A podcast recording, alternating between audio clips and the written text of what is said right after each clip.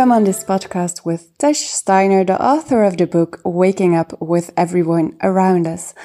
I've invited Tej for a sharing circle where people can listen to his wisdom around how to create resonant spaces, his biggest passion. I've um, the first time I've heard of Tej Steiner was in a facilitators training, and this facilitator really talked about the way Tej his work has impacted his work. So I really wanted to know um, Tej his work better as well, and uh, so I'm really grateful that he um, he was prepared to to be together with us in several sharing circles. And the why I like his work so much is the way he found a simple way to create those resonant spaces. Because just be honest, where do you really feel comfortable with others? We just never learned how we can create safe environments where you can really connect with each other. So in this podcast, by listening to Tej, you can gain insights in how we all can create these spaces in every relationship by making just simply five agreements. So enjoy listening.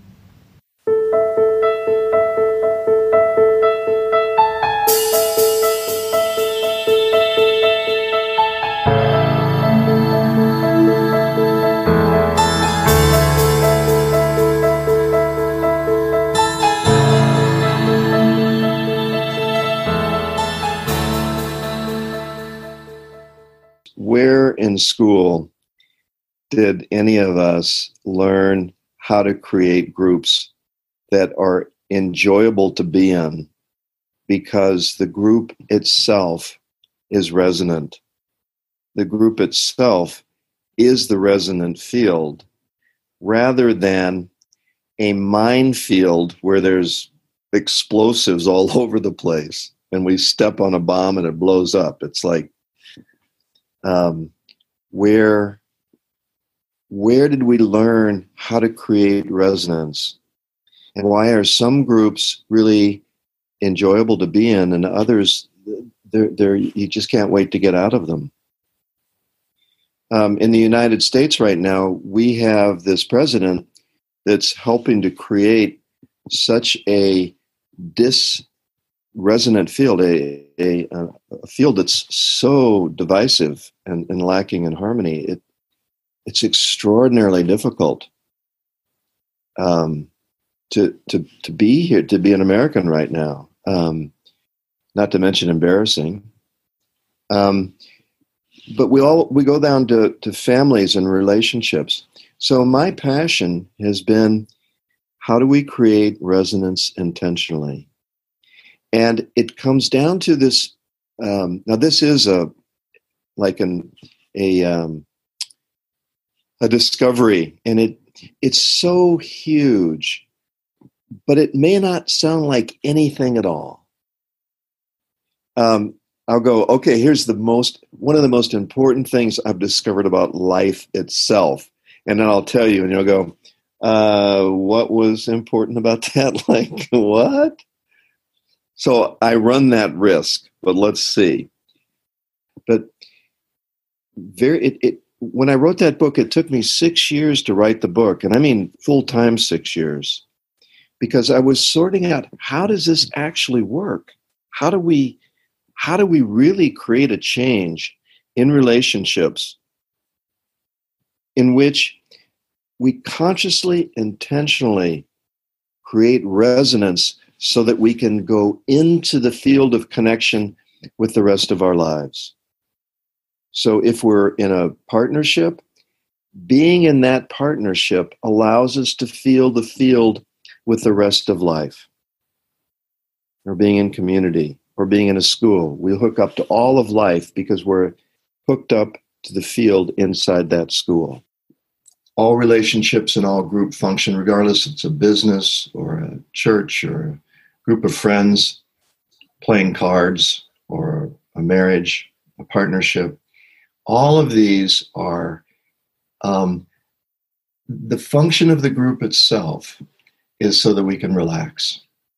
We can find a comfort zone that is always the product of coming out of the sense that we're separate. This terrible myth of separation.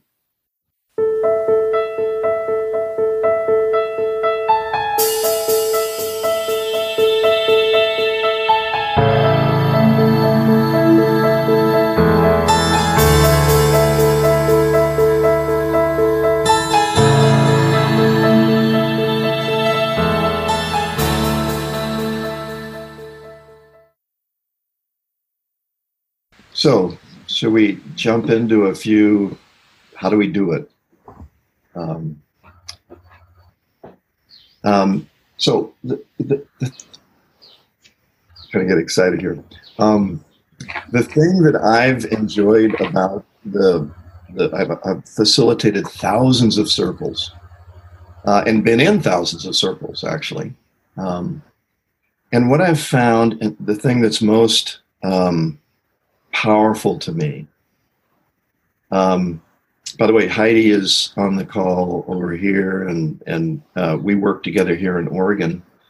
And I was just sharing with her um, that the power of this central idea is so massive to me, and the implications are so vast.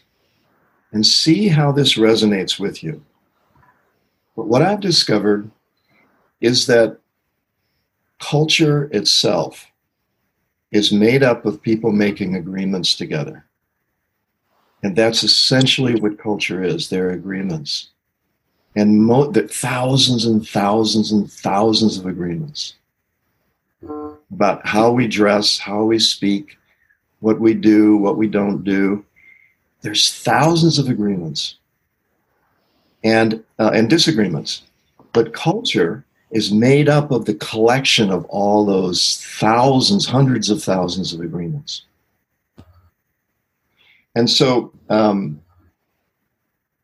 I, I, use, I, I don't know if many or any of you have read my book, but I use one example. Here in the United States, um, in the 1950s, early 50s, in the southern part of the United States, we had drinking fountains that were just for white people and then there were drinking fountains for African Americans. And the white people, uh, well, really, the African Americans couldn't drink from the fountains of the white people. I don't think the white people wanted to drink from the fountains of the African Americans, but there you have it. Now, it was an agreement between all the people in the South that white drinking fountains and black drinking fountains, as long as drinking fountains have been around. Now, it's an agreement, but the agreement was reinforced by the, by the state, by the government. So it was state sponsored agreement. And if you didn't agree to drink out of that drinking fountain, you could be beaten or killed or whatever. But it was still an agreement until certain people stood up and said, Hell with this. I'm drinking out of the white fountain. And there's some white people who said, I'm drinking out of the black fountain. I don't agree. And they got beaten, some got killed. Um, and today, the, we don't have two different fountains. And we look back on it, most people look back on it and they go, What the hell are we thinking? Two fountains? In other words, it's no longer an agreement. So um, it's, it's not that laws, laws are or, or rules, but all that changes when people no longer follow them. Um, I myself, I, in I was, I'm telling you my age now, but I uh, in the Vietnam War, I was drafted when I was 21 to go fight to Vietnam, and I said, uh, I, am not going to go kill Vietnamese. It, it didn't. It, it made no sense to me whatsoever that I would shoot a Vietnamese person. I wasn't even thinking of being shot. I, uh, maybe that would happen, maybe not, but I knew I wasn't going to kill Vietnamese people. And so I went to Canada.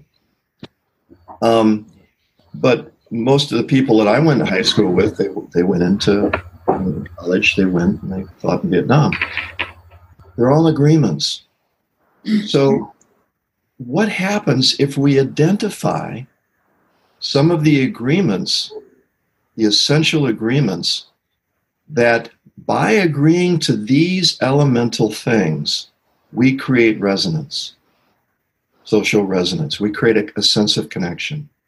And when we are no longer following those agreements and we have some other agreements that are opposite of those agreements, we find that there's discord, that there's a sense of alienation within the group. And so, if we want to change the culture, which I know many of you, if not all of you, are dedicated to, if we want to bring peace into the culture, or if we want to bring peace into our partnership, or family, or nation, or community in any way, what if we look at the agreements that we have with each other and find out which ones bring us together and begin to practice those agreements together. First of all, find out if there is agreement, and then see what happens experientially when we make these agreements together. See if it changes everything. Everything.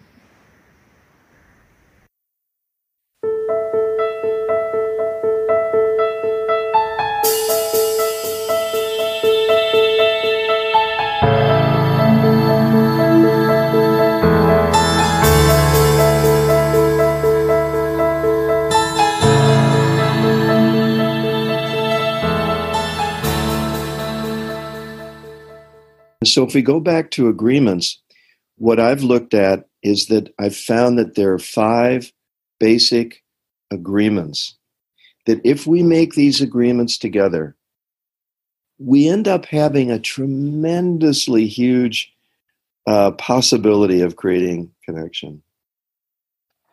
And if these particular agreements are actually disagreed with, there's a pretty good chance that that re, that relationship or that group will be very difficult to live in or to be in. We'll want to get away from it. And so watch the total commonsensicalness uh, in English. Commonsensicalness is that there's probably a word in Dutch. Mm. Commonsensicalness. Yes. Anyway, um, just watch and feel if these don't cut across uh, gender, nationality, religion, beliefs, all that stuff. The first is if people get together and they agree that they want to explore the purpose for their being together. And to let that living question of why are we together be woven into the relationship itself so that's that it's something that's encouraged and it's not a one-time thing. It's a living thing day to day moment to moment. Why are we together? In this moment right here why are the 15 16 of us together? What are we doing? And we almost had a common agreement to come on this zoom call. Um, and if we then find that the purpose for our being together is not aligned, then we can either find out what the other person's purpose is and switch and incorporate that in ours, or we can say, okay, we're in the wrong group. Let's go to another Zoom room. And it allows people then to be where they need and want to be simply because we're clear that the essential aspect of social resonance is find out why people want to be together, what their purpose is.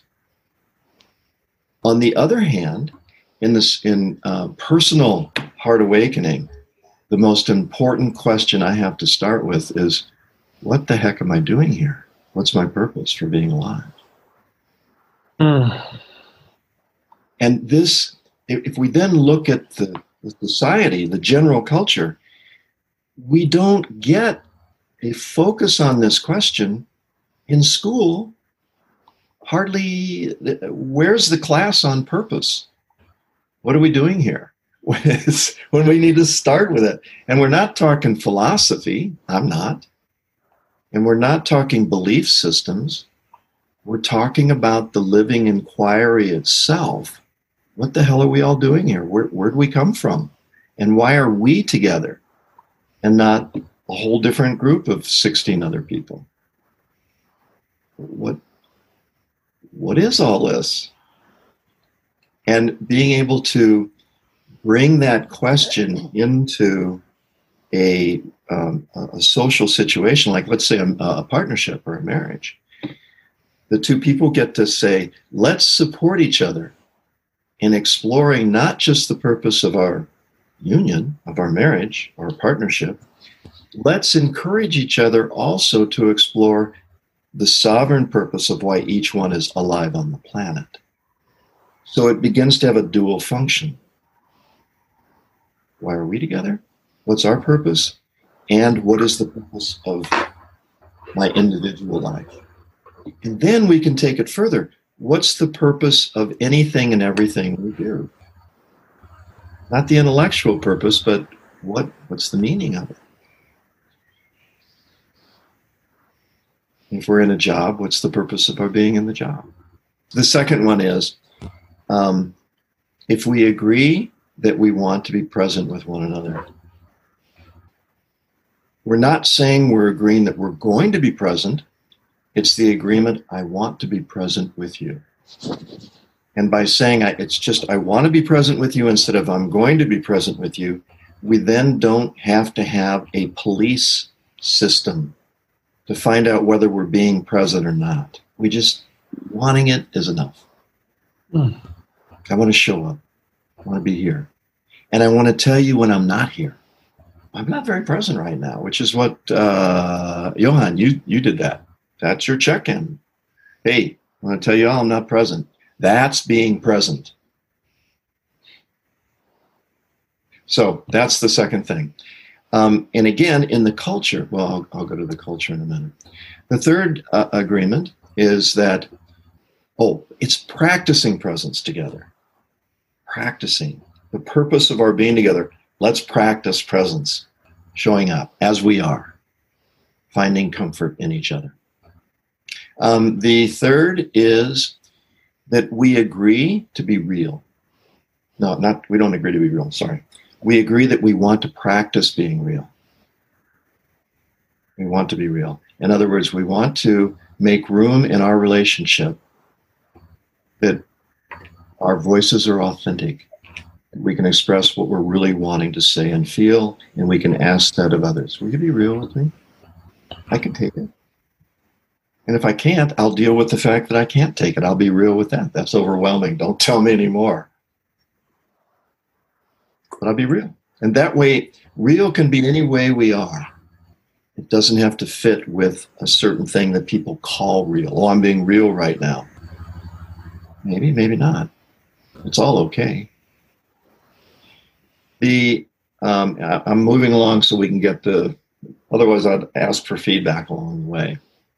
Um, the fourth agreement, social agreement, uh, ways of being, as I call it in my book, is that we make an agreement that we want to practice connecting together, which means that we want to use our relationship or our being in this group in order to, again, come out of the terrible myth of separation. To move from the experiential reality that we're separate individuals cut off from all the other objects in the world to come into a place where oh i am this. I am you. We're we all have this we all have two names in common obviously and the names we all share that's in common is i and me mm. we're all called i and me and there's a reason why that because we're not separated we're, we're consciousness so we don't have to agree that we're going to be aware of this larger connection. It's that we want to get together and create a social space that allows us to say, I'm not feeling very connected right now. And I want to feel connected. And then life organizes around that. So we can show up any way that we are. And the essence of this, um, Heidi and I are working together in a in the corporation that she's it's a it's a health it's a health plan corporation here in Oregon, and she's the vice president of transformation. Can, can you believe it? and uh, we're working to bring um, these elements, these five elements, into this company of three or so hundred employees who have no experience with what we're talking about. You all are veterans. So it's interesting. Um, so the um, fifth and final, oh, what we're doing is we're saying, do we agree that we want in this company to make it the best place in all of Oregon to work? And do you agree, as one of the elements, these five agreements, do you agree to practice being more kind and caring with one another? It's like the five year old in the sandbox. You want to be my friend? oh. Yeah. Um, the fifth agreement is, in a way, the, the grand, it's, it's the prize. It's the cherry on top. It's, it's what it's all for. But it requires the element, the other four elements, and that is number one, it requires I be clear about my purpose, present, authentic in my being in touch with what I'm actually feeling, and connected or in my heart. What that does is it sets up a, an inner experience and a social resonant experience where we can support each other's creativity. We can create an environment where the central point of the environment is that we find out where people's heart is really leading them or us. In other words, we create a rich environment to find out where the yellow brick road lights up in any person at any time about anything. What do you truly want? What do you want to create? What do you want to do? What do you want to be? And we then are in a position to, by creating an environment like that, we then have family and community because the purpose of all family and community is to support the individual who's in it to be all that they can be while in it. Fairly quickly, if we look at the culture, the culture does these five opposites. Instead of being clear about purpose, the culture wants to give us a purpose and says, this is it, or they want to say there is no purpose. If it's a religion, they normally say, accept this as your purpose. You have to accept Jesus as your only whatever ball. You have to do this, you have to do that. The next thing is that the culture does not encourage us to be present. It encourages us to be in constant forward motion and thinking, swirling. It doesn't teach stillness, which is what I know some of you are really dedicated to encouraging in Belgium.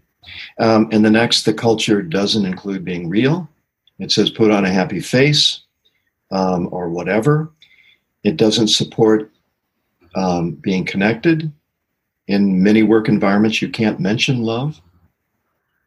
And more than anything else, the culture doesn't, su- well, it's a generalized rule um, idea, but the culture doesn't specifically encourage each person to be to follow their own heart.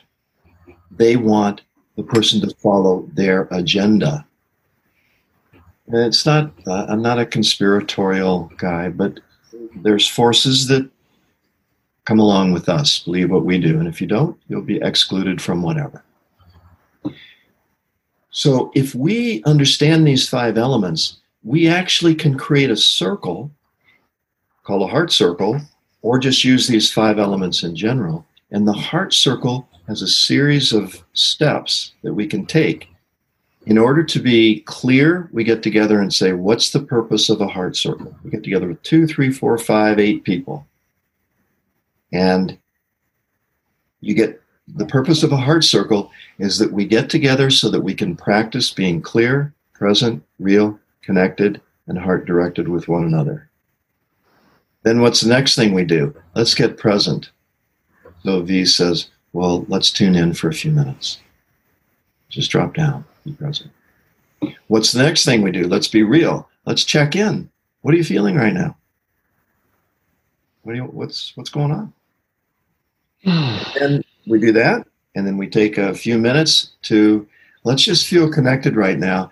Does anybody have any appreciations of somebody else in the circle? And we just do a, a sharing of appreciation. Couple minutes. Mm. And then the bulk of the heart circle is we hold space. Anybody who wants to take five, ten minutes in order to feel the attention of the rest of the people in the in the circle. And that receiving attention consciously creates greater access to the field.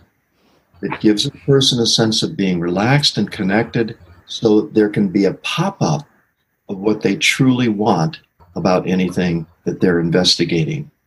That question What I want in my partnership, my health, my job. And in doing this um, once a week, um, it helps support being able that I then personally can individually be more clear about my purpose in life in everyday life, that I can then stay more present, that I can be more authentic and real in my communication, that I can be more kind and caring, and that I can follow my heart. So the heart circle becomes kind of a, a uh, it's a practice ground. Even though we're actually creating community, we're creating how to create resonance so that I can walk around in my daily life and remember, oh, in order to actually create resonance, congruence, I must look at these five elements. They're universal. I must explore my purpose, drop out of my constant thinking into stillness, um, be real in my communication, be kind and caring, and follow my creativity. That's it.